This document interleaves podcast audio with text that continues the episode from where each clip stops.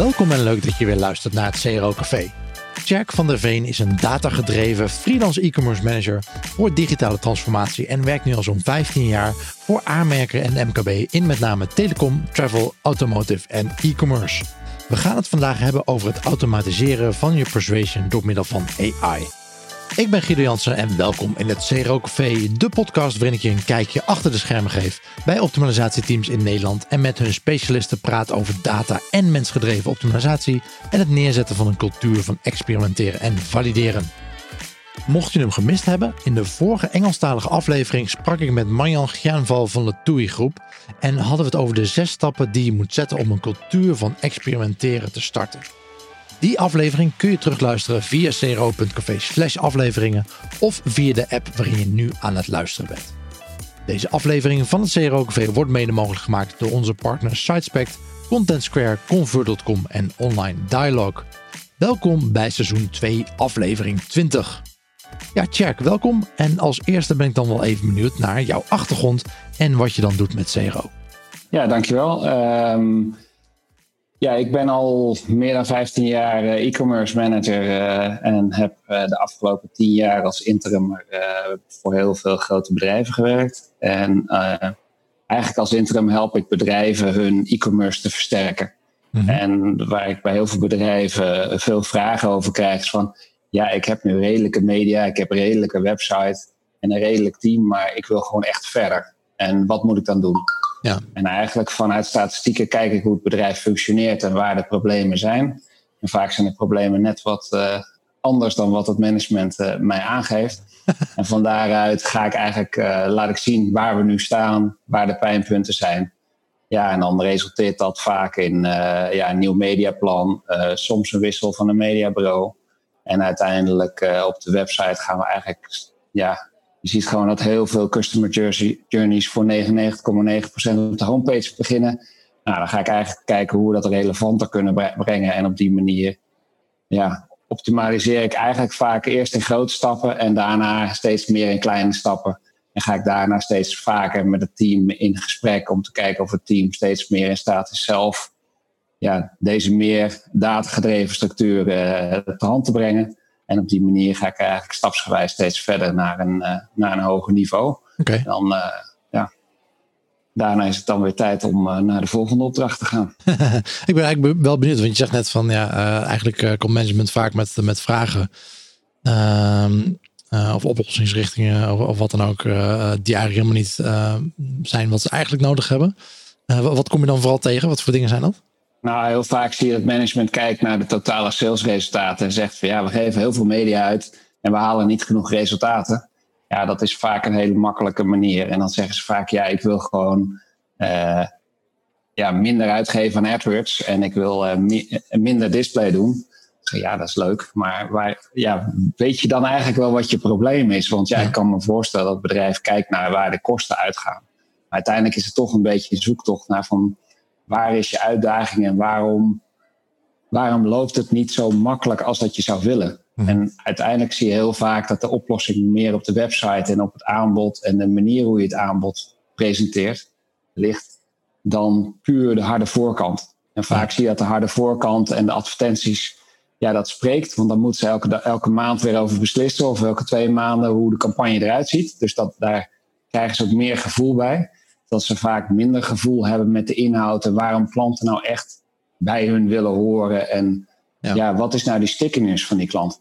En, en hoe vertel je ze dat dan? Want uh, dan is er dus een mismatch tussen wat zij eigenlijk willen dat jij doet en wat jij, wat jij hun teruggeeft. Maar hoe vertel je dat? Ik bedoel, jij zal niet de enige zijn die dat uh, heeft. Dat hebben heel veel mensen, denk ik, die naar het CEO ook veel luisteren. Zeggen van ja, eigenlijk. Ja, nee, dat is eigenlijk wel een beetje hoe mijn carrière zich steeds een beetje vormgegeven heeft aan het begin heb je natuurlijk heel weinig uh, ervaring en dan word je een beetje omvergeblazen door uh, grote communicatie- en marketingmanagers. En uh, op een gegeven moment denk je ook wel, hoe ga ik daar beter body aan geven, meer weerstand aan kunnen geven, zonder eigenlijk alleen maar een discussie aan te gaan.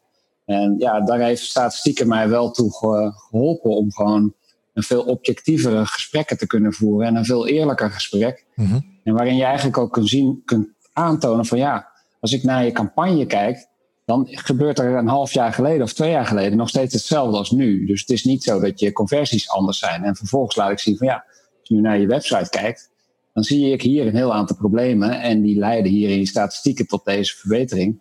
En daar moet je echt eh, in eerste instantie tijd en aandacht aan geven. Want anders wordt elke media euro wordt aan de achterkant net zo hard weer weggegooid. Ja. Nou, en dan, dan beginnen ze te begrijpen waar het probleem ligt. En dan beginnen ze ook beter te begrijpen dat hun product ja, misschien soms wat minder plat is dan dat het zou moeten zijn. Ja, en dan, ja, zo hou je een spiegel voor. En dat helpt me heel erg om, om meer de inhoud in te gaan en van daaruit stappen te maken. En ja, uiteindelijk is het ook voor mij uh, belangrijk. Je begint, je moet op korte termijn gewoon eh, een aantal kleine winstjes uh, zien te boeken. En vanuit die korte termijn winst kun je steeds meer de grotere projecten op de rail gaan zetten. Ja, dus, dus heel erg datagedreven toe, uh, daaraan naar naartoe werken, dat werkt heel goed uh, voor jou. Moet je natuurlijk wel iemand tegenover je hebben die daar überhaupt wel een beetje voor open staat? Nou ja, ik vind wel dat ondanks dat ik ook heel veel managers tegenkom die niet datagedreven zijn, mhm. door hun te laten zien en de spiegel voor te houden op deze manier, krijg je wel heel snel een inhoudelijk gesprek. Want je kunt ook minder datagedreven mensen kun je wel laten zien hoe de pagina's eruit zien waarin klanten eigenlijk afhaken. Ja. En als ze het dan nog niet begrijpen, dan gebruik ik vaak eh, tools als Hotjar om dat een beetje te visualiseren. Dan zie je toch dat mensen dan nog meer gevoel krijgen bij datgene wat je zegt. Hey, en we gaan het vandaag hebben over uh, ja, een, een persuasion software die jij gebruikt, uh, die op AI is gebaseerd. Uh, voor de luisteraars, we gaan proberen er geen productpromotie show van te maken. uh, maar bedoel, we gaan wel aan de hand van een, een tool in ieder geval wat voorbeelden uh, zullen er voorbij komen. Ja, ja allereerst uh, vertel, wat doe je met de tool? Hoe zet je het in? Ja, zoals, zoals vele optimalisatie mensen met mij kom je gedurende je jaren steeds weer andere tools tegen. En um, een ding wat natuurlijk voor elke marketeer belangrijk is, dat je je content en je producten echt aansluiten bij waar die mensen voor zoeken. En um, ja, ik zie steeds meer uh, de uitdaging van ja, hoe ga je dat echt één op één marketing doen? En met die persuasion tool kun je eigenlijk twee dingen doen. Aan de ene kant kun je de klant, zodra die op de website uh, is, veel relevanter en veel sneller producten aanbieden die echt bij hem past. En aan de andere kant kun je nadat hij de website verlaten is en stel hij komt niet direct tot de conversie, dan heb je heel veel informatie van hem, zodat je uh, via uh, triggers, uh, zowel in media als via e-mail marketing, die klant weer opnieuw kan najagen. En niet alleen maar met die ene flauwe laatste pagina waar die klant op geweest is, maar via een, bijvoorbeeld een productcarousel waar heel veel verschillende producten in staan die bij die cloud passen wat die klant eigenlijk als interesse heeft. En ja, dat maakt het veel relevanter. En dat maakt voor die klant ook veel uh, interessanter om, om zoiets te willen doen. Ja. En uh, ja, dan zie je toch gewoon uh, dat die klant echt ja, veel meer en veel sneller met je weer terugkomt. En veel sneller ook op de website tot een resultaat komt. En ja, dat vind ik wel interessant. Ja. En e-, even kort, welke tool gebruik je dan hiervoor? En, wat, en waarom ben je bij die tool uitgekomen? Nou ja, via een van mijn opdrachten kwam ik bij de tool Raptor. En Raptor is een product wat in Denemarken heel succesvol is. Ehm, ook wel in, in heel wat andere landen, maar in, in Denemarken en in Noordic zijn ze gewoon heel groot.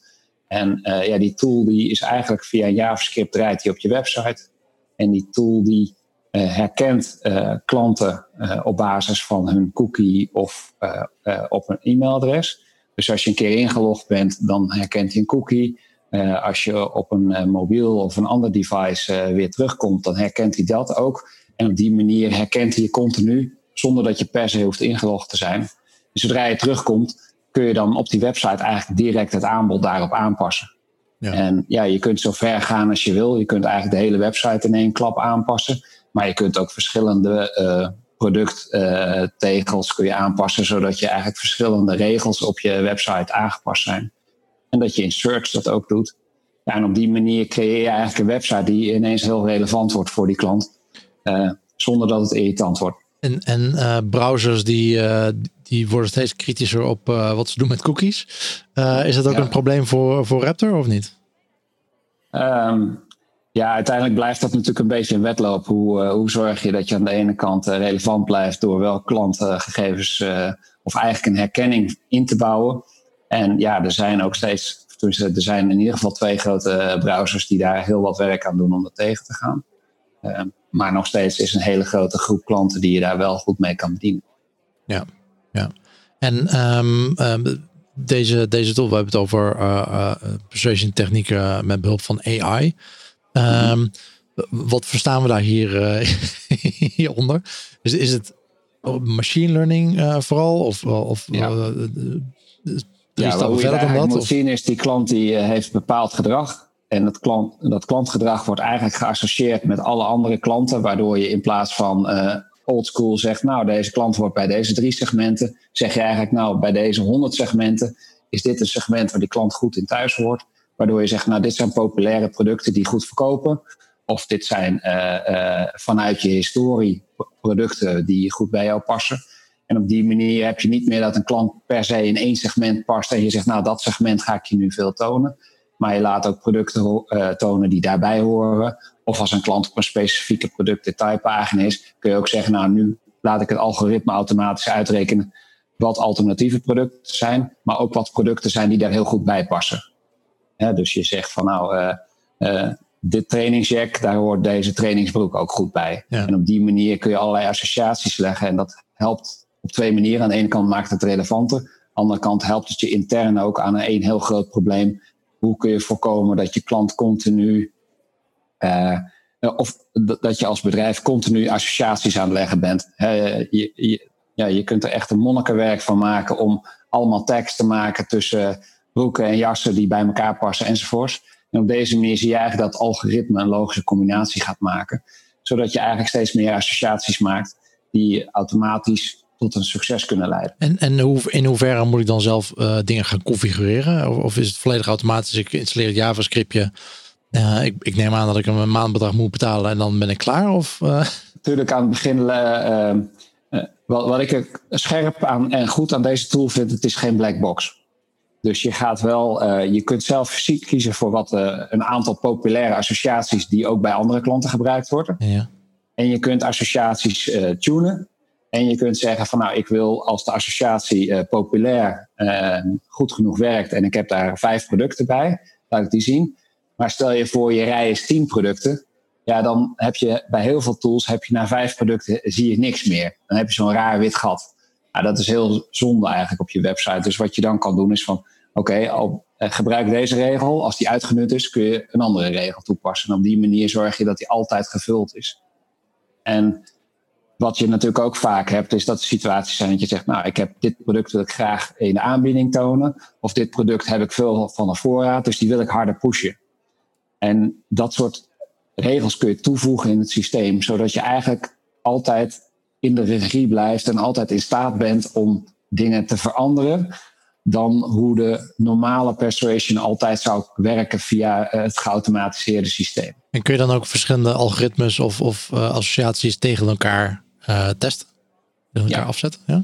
ja, je kan altijd testen en je kan altijd combinaties leggen.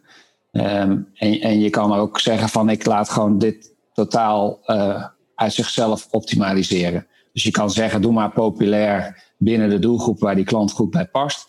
Nou, dan gaat hij dat optimaliseren. En dan zal hij bij alle mensen die in die doelgroep zitten, blijft hij continu kijken naar het resultaat. Stel je voor, je gaat op maandag uh, een product goedkoper maken dan zal het algoritme automatisch continu gaan kijken. En als hij ziet dat dit product daardoor harder gaat lopen, dan gaat hij hem automatisch ook weer verder naar voren brengen in het systeem. Werk je aan een front-end AB-test en heb je ook last van de bekende flikkeringen in je variaties? Dit kan natuurlijk je testresultaten beïnvloeden en een positief testresultaat neutraliseren. Probeer Convert.com's AB-testing software die Smart Insert technologie gebruikt en die flikkeringen voorkomt. Vijf keer snellere support via 24/7 chat, de helft goedkoper en het bedrijf is daarnaast maar liefst 15 keer carbon positive.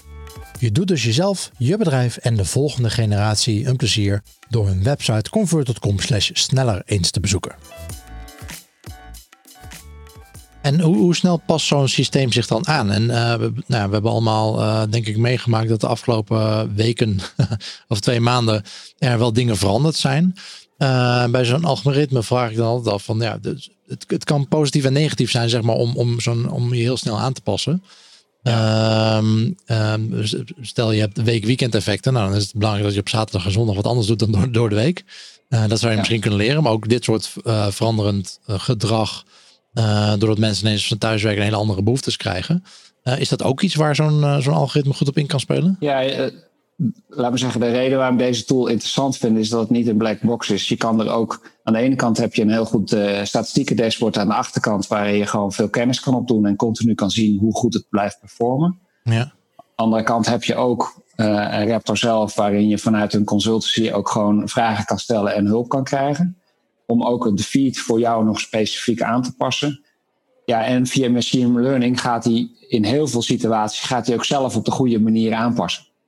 Maar op het moment dat jij ziet dat, het, uh, dat er een hele unieke situatie ontstaat, ja, dan moet je wel wat gaan doen. En dan kun je ook dingen gaan uitsluiten. Ja. Uh, stel je voor, je verkoopt uh, ook mondkapjes in de bouw naast je gewone producten. Ja, dan, dan loop je natuurlijk spaak. Want dan gaat het systeem dat steeds meer naar voren brengen. En dan moet je dat uit gaan zetten. Ja, dan krijg je dan wel eens notificaties van het systeem. Die zegt van, hé, hey, ik zie nu zoiets raars. ik weet eigenlijk ook niet wat ik ermee moet doen. Of, of ik, er zijn, er zijn, meerdere opties, maar het is aan jou om, om die keuze te maken. Um, nou, in feite is de tool uh, gewoon een toolbox waar alles in zit. En je, kijkt, je kan continu je statistieken in de gaten houden. En statistieken herkennen hoe, hoe succesvol het is. En, en mm-hmm. of je moet gaan tunen. Ja. Um, aan de consumentenkant heb je wel allerlei soorten triggers die je kunt inzetten om, om te reageren naar klanten toe. Abandoned cart is natuurlijk een hele logische daarvan, maar er zijn ook okay, heel veel ja. andere dingen in. Mm-hmm. En gewone e-mail marketing kun je daar ook go- goed in gebruiken. Um, uh, de ja, aan de achterkant moet je wel zelf alert blijven op hoe je met het algoritme omgaat. Je zegt het, het, het is geen black box. Maar wat haal je er dan achteraf uit? Zijn er dan ook achteraf nog dingen uh, die je dan weer elders kan gebruiken? Zeg maar? Is dat iets wat je ook, uh, ook ziet? Dat je nou, bijvoorbeeld dat je online ziet dat iets heel goed werkt. Um, en dat je zegt van oké, okay, maar dit is dan ook iets dat we kunnen toepassen in e-mail marketing of, of in AdWords of, of zoiets. Ja, wat, wat, wat fijn is, is je hebt eigenlijk een, een, een succesvolle regel die je op de website hebt gebruikt. En die succesvolle regel kun je in e-mail marketing net zo hard her, hergebruiken. En die kun je ook weer in een display banner kunnen gebruiken voor uh, acquisitie. Ja. Dus als jij ziet dat een bepaalde doelgroep heel succesvol is met een bepaalde regel die, die je hebt gecreëerd, ja. Dan kun je ook zeggen, ik ga die nu in een display banner hergebruiken voor acquisitie en kijken hoe ik daar de juiste doelgroepen daarin kan bereiken. Ja, want dat is natuurlijk het nadeel van dit soort systemen. Ze kunnen alleen maar werken met de content en de producten die jij al op je website hebt staan. Um, en misschien uh, ja. moet je wel andere content gaan ontwikkelen of andere producten gaan ontwikkelen. Uh, en dat is wel iets wat je ook nog, de feedback die je wel zou willen hebben van zo'n systeem natuurlijk. Dat is wel lastig als je dat automatisch, automatisch laat doen. Ja, maar je hebt natuurlijk onwijs veel kennis hoe het systeem continu bij alle doelgroepen ziet waar die succesvol is. Mm-hmm. En dat geeft heel erg veel inspiratie om ook na te denken van hé, hey, ik zie dat ik in deze doelgroepen veel uh, resultaat heb ja. en kom daarmee verder. Um, en vervolgens met die kennis heb je veel meer kennis dan dat je anders zou hebben met uh, analytics. Omdat je met analytics natuurlijk wel segmenten hebt. Maar het zijn segmenten die je zelf aanmaakt. En hier ja. heb je veel meer segmenten eigenlijk. Waardoor je veel makkelijker kunt herkennen waar die kansen zijn. Dus dat, ja, het biedt je ook weer heel veel. Uh, uiteindelijk gaat het er ook om dat je kennis ontwikkelt. Ja. Om weer opnieuw na te denken die je helpt om met bepaalde doelgroepen succesvoller te zijn. En daarmee zie je die, die successen zie je beter terug. Ja. Dus je kunt wel degelijk ook heel veel inspiratie eruit halen. Want uh, hij gaat zelfs zo ver dat je ook kunt zeggen: ik ga mijn blog ook automatisch met het algoritme uh, mee laten draaien. Ja, dat vroeg me nog af inderdaad. Want we hebben het nu heel erg over e-commerce, maar werkt het ook voor, voor non-e-commerce dingen? Ja, je hebt natuurlijk een website waarin je aan de ene kant je producten verkoopt, maar aan de andere kant heb je ook uh, blogs en, en content die je daarin mee kan nemen. Ja. En daar kan deze tool net zo hard in meegaan. Dus dan zie je ook dat bepaalde doelgroepen misschien heel erg geïnteresseerd zijn in bepaalde nieuwe dingen. Nou, dan kun je op die manier kun je daarin verder gaan. Ja, maar dan moet je, neem ik aan, ook andere doelen kunnen instellen, toch? Een blog heeft een ander doel dan, dan SEC een e-commerce website. Ja. Uh, dus, dus stel je dan andere KPI's in, of hoe werkt dat? Ja, je kunt elk blok die je aanmaakt op de website, kun je je eigen doelstelling aanhangen. Oké. Okay. Dus aan de ene kant kun je puur naar sales kijken, aan de andere kant kun je puur naar kijken naar hoe vaak ze worden aangeklikt. En dat is met een blog natuurlijk weer makkelijk. Oké, okay, dus maar als je, als je dat per blok kan aanpassen, dan zouden die blokken dus ook elkaar tegen kunnen werken. In theorie. uh, nou ja, de, uiteindelijk zijn mensen zoals wij natuurlijk wel nodig om te blijven meedenken om dat soort dingen optimaal in te stellen. Dus ja, in die end levert het ons natuurlijk ook weer een, een uitdaging uit als e-commerce mensen om dit gewoon uh, slim in te richten. Nou ja, wat ik, wat ik wel terugzie in, in specifiek in e-commerce, dat, dat sommigen zijn aan het optimaliseren voor, voor omzet. Anderen voor winst. Anderen kijken puur alleen maar naar, naar conversierate of aantallen orders. En dat zijn allemaal net, dat is net weer een andere nuance, zeg maar, in, in, in optimalisatie en wat je doet. En als je die blokken dan, die, die, die zouden wat anders kunnen performen als je andere doelen instelt. Ja, maar als je alleen maar puur op de laatste klik conversie gaat optimaliseren, dan blijf je natuurlijk wel hangen in het feit dat er ook heel veel klanten zijn die op dit moment heel veel artikelen wel interessant vinden om te overwegen. Ja. Dus die overwegingskracht en die engagement moet je wel meenemen in die ROI's. Ja. En ja, ik vind het altijd wel belangrijk om te zorgen dat je die duration heel erg meeneemt. En ook laat zien dat die klant ook. Um, je ziet dat je met deze tools eigenlijk twee dingen kan doen. Aan de ene kant gewoon puur hard die verkoop kunt doen. Maar aan de andere kant kun je ook zorgen dat die klant beter engaged blijft op het moment dat hij een product ziet en denk, nou, dit is net niet, maar wat zijn dan de alternatieven? Ja. En eigenlijk zie je dat aan de ene kant het wel uh, heel goed en succesvol is om de juiste producten aan te bieden.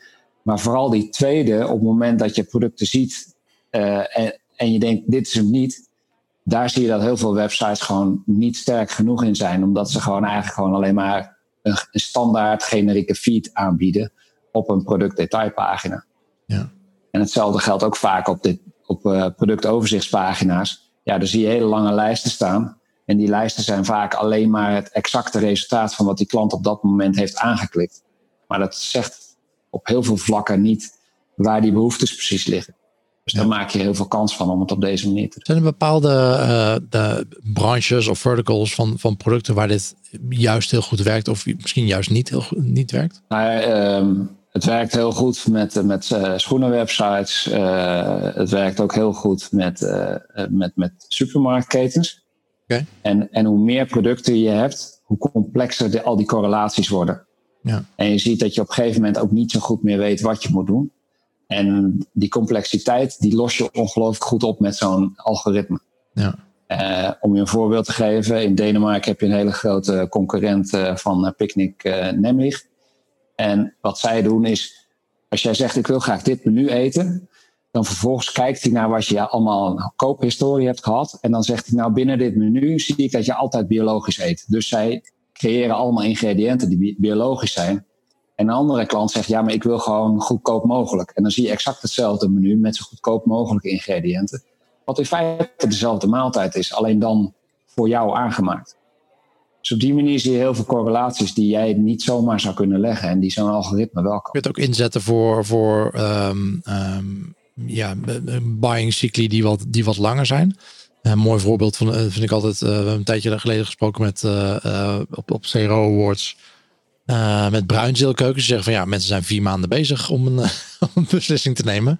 dus optimaliseren voor die eindconversie, dat lukt inderdaad bij ons niet. Um, ja, je hebt eigenlijk een beetje twee ja, twee mogelijkheden hierin. Je hebt aan de ene kant bijvoorbeeld B2B-klanten die regelmatig terugkomen, die eigenlijk elke keer een beetje in hetzelfde straatje bestellen. En waardoor je zegt, nou, ik heb een bepaalde historie opgebouwd en ik herken hoe die klant zich nu acteert en kan op die manier verder. Dus op die manier heb je een, heb je een voorbeeld. Ja. Andere kant, als je naar automotive kijkt en naar keukens, ja, die hebben alle twee gewoon een lange termijn waar mensen in beslissen. En wat gewoon super aantrekkelijk is, is dat je kan zeggen tegen die klant: Nou, je bent tot zover gekomen in je configuratie. Dit waren de dingen waar je over hebt nagedacht. En ja, de ene die maakt in zijn schrift een, een lijstje met wat hij allemaal de vorige keer had bedacht. En, maar de meeste mensen die zijn eigenlijk een beetje uh, laconiek aan het browsen en stellen een aantal dingen samen en gaan dan weg. En het kan best zijn dat ze over een maand of over twee weken weer terugkomen, omdat iets is blijven hangen in hun systeem om weer terug te komen bij zo'n voorbeeld als een bruinzeelkeuken. Ja. Nou, dan is het super aantrekkelijk om terug te komen en dan eigenlijk alle opties die je de vorige keer klaar had liggen, meteen weer voor je te zien.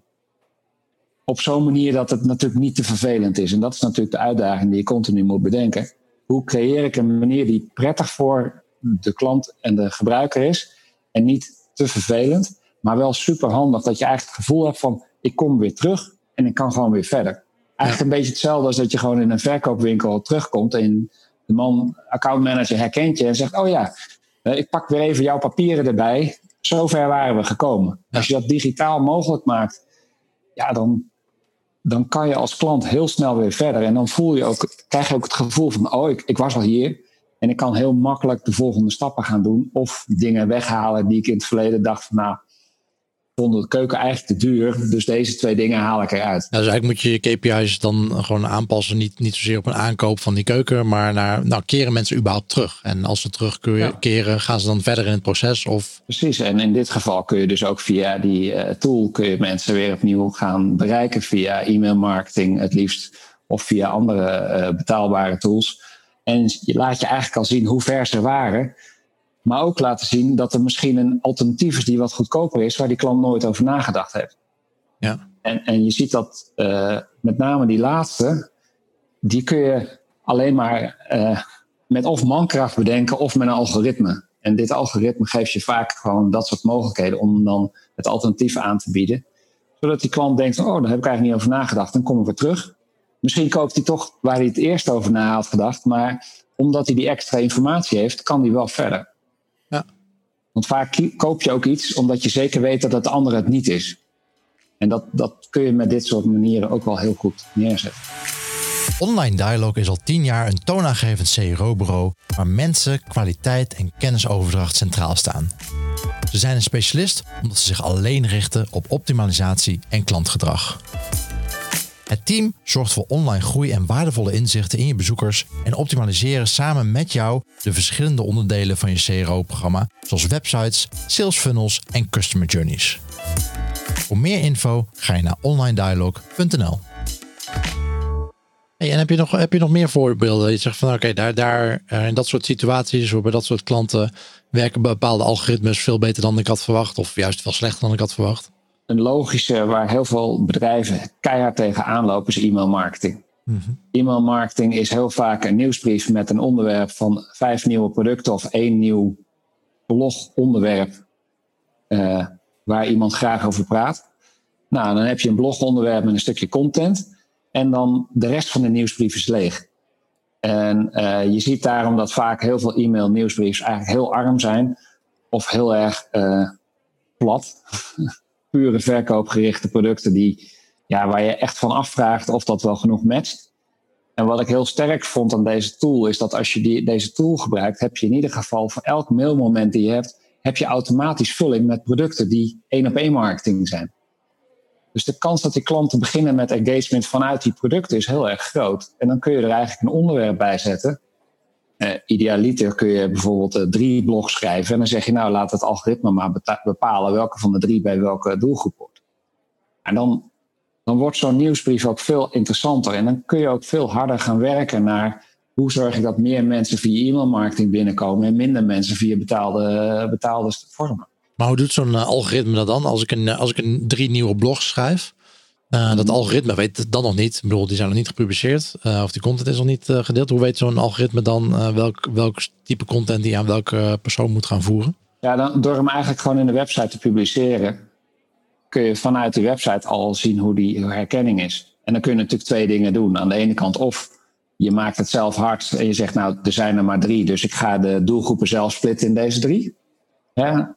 Of je laat het geautomatiseerd door een Raptor tool doen. Ja, oké. Dus hij moet wel eerst wat data verzamelen over die, eh, over die content. En als hij gewoon genoeg data heeft verzameld, dan eh, kan hij los. Dat, dat is, ja, zeker. dat, ja. Aan de ene kant is dat natuurlijk altijd het probleem van algoritme. Je moet aantallen hebben, wil je resultaten hebben. Wil je het, eh, het algoritme zijn werk laten doen. Andere kant, het valt me op hoe snel eigenlijk het algoritme eigenlijk al voldoende kennis heeft om in eerste instantie een redelijk goede guess te doen. Ja. En de guess wordt natuurlijk steeds beter naarmate het algoritme meer data en meer respons en meer resultaat gaat krijgen. Ja, want gebruik je dan een richtlijn voor klanten? Dus zegt van oké, ja, jij kan dit, deze tool sowieso niet gebruiken, want je hebt niet genoeg traffic. Uh, heb, je, heb je daar een richtlijn voor? Voor nou, misschien een aantal interacties? Of? Nou, het voordeel van deze tool is hij is niet zo heel erg duur per maand. En daarom ben ik wel heel steeds sneller geneigd om dat te doen. Ja. Ook om, omdat je, um, hoe moet ik het zeggen? Uh, realiseer je dat als je bij elk product een, een, een, eh, een associatie in het systeem moet gaan zetten, dan kost je ook snel een halve FTE. Mm Ja. Maar mijn richtlijn is wel het, als het aantal producten of het mediabudget hoog is, dan wordt het al heel snel ongelooflijk aantrekkelijk. En met name hoe meer producten je verkoopt, hoe sneller het algoritme gewoon heel goed zijn werk doet. Oké, en wat, wat voor uh, bedragen praten we over? Um, weet het uit je hoofd weet, maar... ja, ik weet het niet uit mijn hoofd. Maar het, het zijn geen, uh, ge, geen chockerende bedragen. En dat maakt het nou juist zo aantrekkelijk om ermee te willen beginnen. Natuurlijk, als je heel erg veel data hebt en heel erg veel gebruikers hebt, dan gaan, die, gaan de bedragen per maand wel groeien. Ja. Maar uh, ja, dan groeit het eigenlijk ook automatisch mee met datgene wat je aan het doen bent. Ja, dat is natuurlijk wel een beetje de, de uitdaging bij dit soort personalisatietools dan één op één marketing. Uh, hoe specifieker jij jouw doelgroep maakt, hoe meer data je, of nou, hoe minder data je daar waarschijnlijk over hebt. uh, want ja, die segmenten worden steeds kleiner. Helemaal als je wat je zegt, één op één marketing gaat doen. Um, uh, ja, je hebt wel vergelijkbare consumenten nodig om er wat over te zeggen en die algoritmes weer te laten aanpassen. Nou ja, goed, je doet natuurlijk één op één marketing in dit geval op twee manieren. Aan de ene kant kijk je naar koophistorie, waardoor je automatisch resultaten toont. Dus dan heb je echt één op één resultaat. Ja. Aan de andere kant kijk je eigenlijk naar clouds afhankelijk van hoe groot uh, het aantal bezoekers van je website is. Dus hoe minder websitebezoekers je hebt, hoe minder clouds je eigenlijk het systeem automatisch creëert. En hoe meer data die krijgt, hoe meer clouds die creëert. Dus ja, op die manier krijg ik een beetje, ik noem het maar een beetje vergelijken met wat, wat je op Facebook aan, aan lookalikes hebt. Ja, je krijgt natuurlijk steeds meer lookalikes. En die lookalikes worden scherper naarmate je meer bezoekers hebt. Dus praktisch gezien moet je het eigenlijk zien, het algoritme gaat misschien met vijf segmenten beginnen, maar misschien worden het er wel 100 of 200 als je met een paar miljoen mensen aan, aan ja, okay. bezoekers Gewoon uh, helemaal dynamisch. Ja, ik zie, zie uh, laatst ook wel wat uh, van die modellen, van die systemen gebruik maken van RFM-modellen. Ehm, de, de, de, recency, frequency en dan monetary value model om, om klanten in te delen, zeg maar. Dus, dus op elke uh, schaal krijgen ze een bepaalde score en dan wordt ze in, in een bakje uh, gezet. Nou ja, laat me zeggen, op zich is dat wel een redelijk uitleg hoe het systeem automatisch werkt. Want het systeem geeft je aan hoe die moet performen. Gaat hij werken naar optimale verkoop of gaat hij werken naar engagement? Ja. Uh, of vraag je om een bepaalde combinatie? Of zeg je, uh, er moet een bepaalde minimum bereikt zijn, want ik wil uh, niet extreem veel bounces hebben. Of ik wil heel weinig mensen hebben met een, lange, met een hele korte duration. Nou, je zet een aantal regels in en het systeem gaat daarop optimaliseren.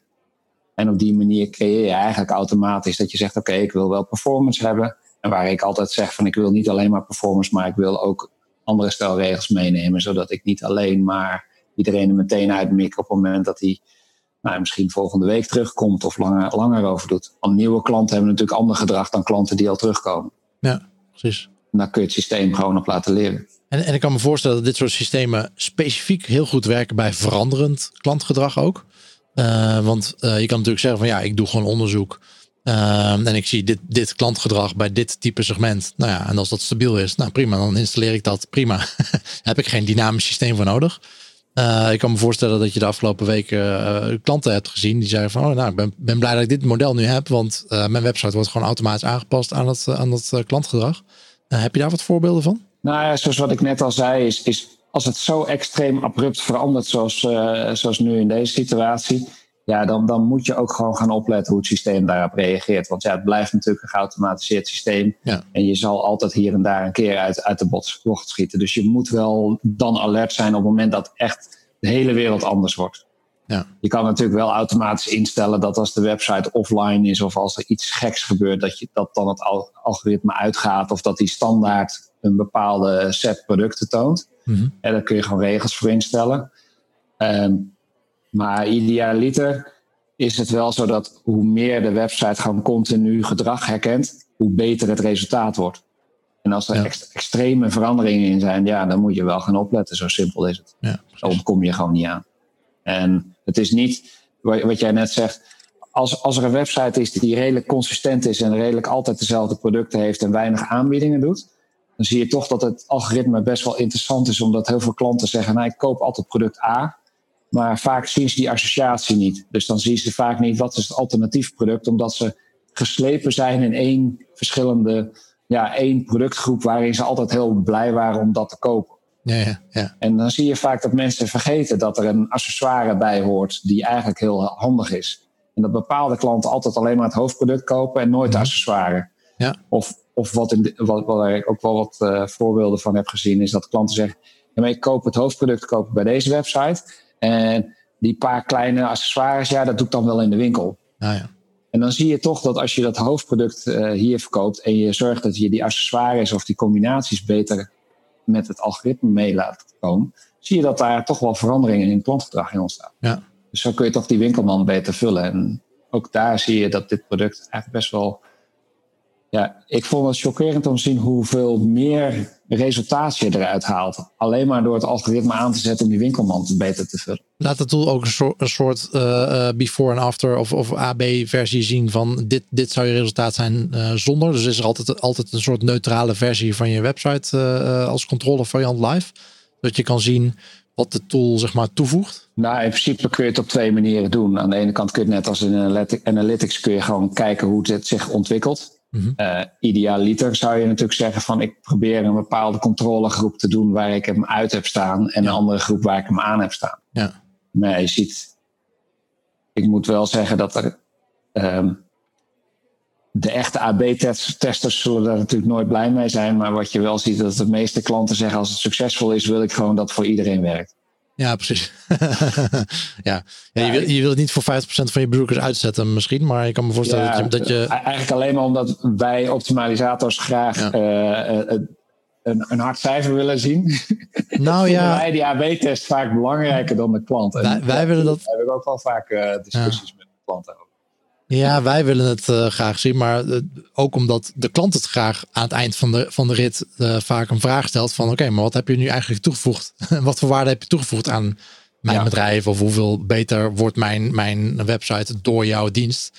Dan is het wel fijn als je daar een antwoord op hebt natuurlijk. Nou ja, in de statistieken van deze tool zelf kun je heel erg veel antwoorden daarop terugvinden. Mhm. En aan de andere kant merk ik ook wel dat ik eigenlijk per fase gewoon heel scherp moet zijn van oké, ik heb nu dit gedaan. En eigenlijk probeer ik elke keer als ik een, een project probeer ik in blokken op te delen. En bij elk blok zeg ik, kijk, ik heb dit neergezet en dat heeft deze resultaat gehad. Ja. Zodat je eigenlijk ook gewoon bloksgewijs kan opbouwen met je resultaten. Ja. En, en natuurlijk hoop je dan dat in de tussentijd de wereld niet veranderd is. En dat een blok uit het verleden eh, niet meer zoveel resultaat heeft. Ja, dat blijft wel eh, de werkelijkheid die je misschien ooit een keertje achterhaalt. Dat is het leuke aan ons werk, toch?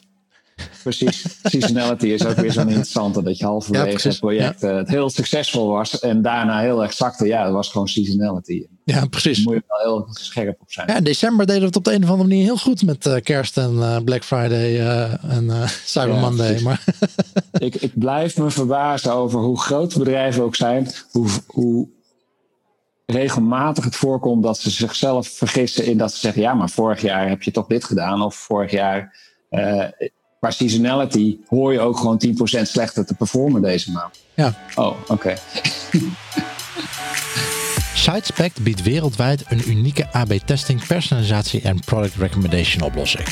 SiteSpect werkt server-side, dus zonder tags of scripts, waardoor een optimale performance gegarandeerd is. De SiteSpect-oplossing elimineert vertragingen en kans op flikkereffecten.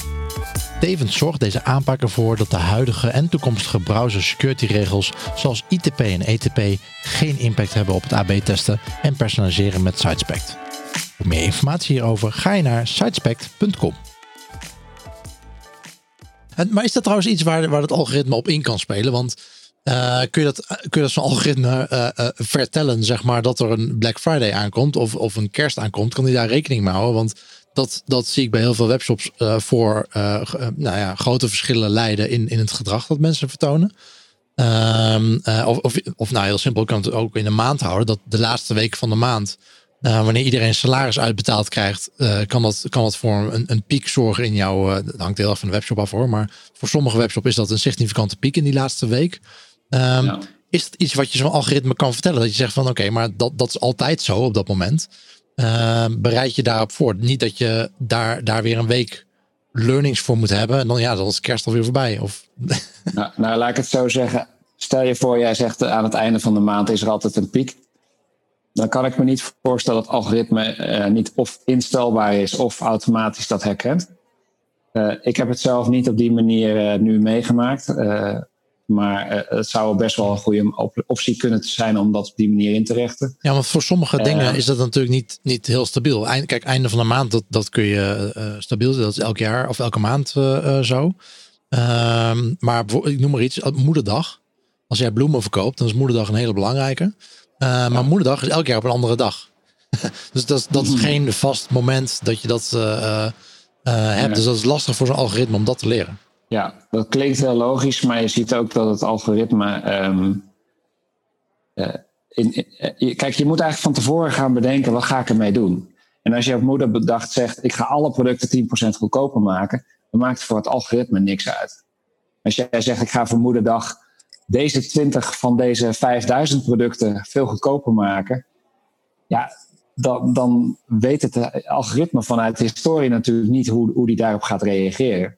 En dan kun je twee dingen doen. Of je, uh, je wacht af tot het algoritme daarop gaat reageren. Nou, voor één dag werkt dat niet. Voor een week of twee weken zou dat zeker wel werken. Dus met Sinterklaas en dat soort zaken zie je gewoon dat de op omzet toeneemt. Dan kan ja. zo'n algoritme prima uh, zijn werk doen. Okay. Maar als, als je zegt, ik heb één dag dat ik ga knallen.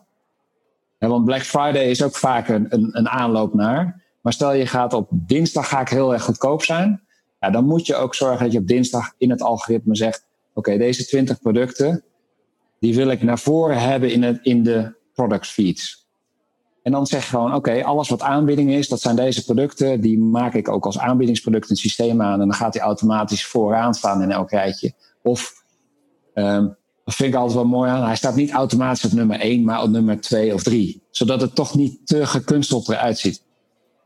En ja. Ja, hou je toch een beetje professioneel. Het valt wel op en het staat op een goede manier in het systeem. Ja, dan werkt, dan werkt het ook best goed. Ja. En, en, dat bedoel ik aan het begin ook. Het is wel een machine learning tool, maar je kan hem zelf kleden. En als je dat niet kan, ja, dan, dan blijf je altijd hopen dat het systeem het goed doet. En nu kan je het wel aanpassen en kun je dus in situaties erover nadenken en keuzes maken. Neem natuurlijk niet weg dat je daarmee wel moet begrijpen wat de beginselen van het product zijn. Ik, ik bedacht me trouwens net, we hadden het uh, eerder al over het uh, instellen van verschillende KPI's voor je, uh, voor je algoritmes. Um, welke KPI's kun je überhaupt gebruiken? Ik bedoel, als, je, als een JavaScript is die op je website is geïnstalleerd, die ziet niet wat jouw winstmarge is bijvoorbeeld. misschien wil je daar wel op sturen. Kun je dan bepaalde integraties aanmaken, zodat je dat ja, je kan aan de achterkant kan je zoveel integraties maken als je wil. Um, ik heb alleen ook wel aan de andere kant gezien dat je heel veel mensen zeggen: ah, ik ga alle producthistorie, verkoophistorie, ga ik in, in het systeem inladen. Uh, en ik heb bij één klant meegemaakt dat het bleek gewoon heel lastig te zijn om de producthistorie uit dat systeem te krijgen en om ingeladen te krijgen. Dus tegen die tijd dat wij dat eindelijk hadden, zag je dat het algoritme al perfect alle historie in zijn systeem automatisch had meegeladen. Het veranderde niks meer. Dus je kan ook gewoon, uh, je ziet ook wel dat je soms gewoon achterover moet gaan zitten en wachten totdat je de historie van automatisch opbouwt. Alleen ja, als jij een hele specifieke voorwaarde hebt uit het systeem en die wil je graag meenemen, ja, dan kun je dat prima meenemen.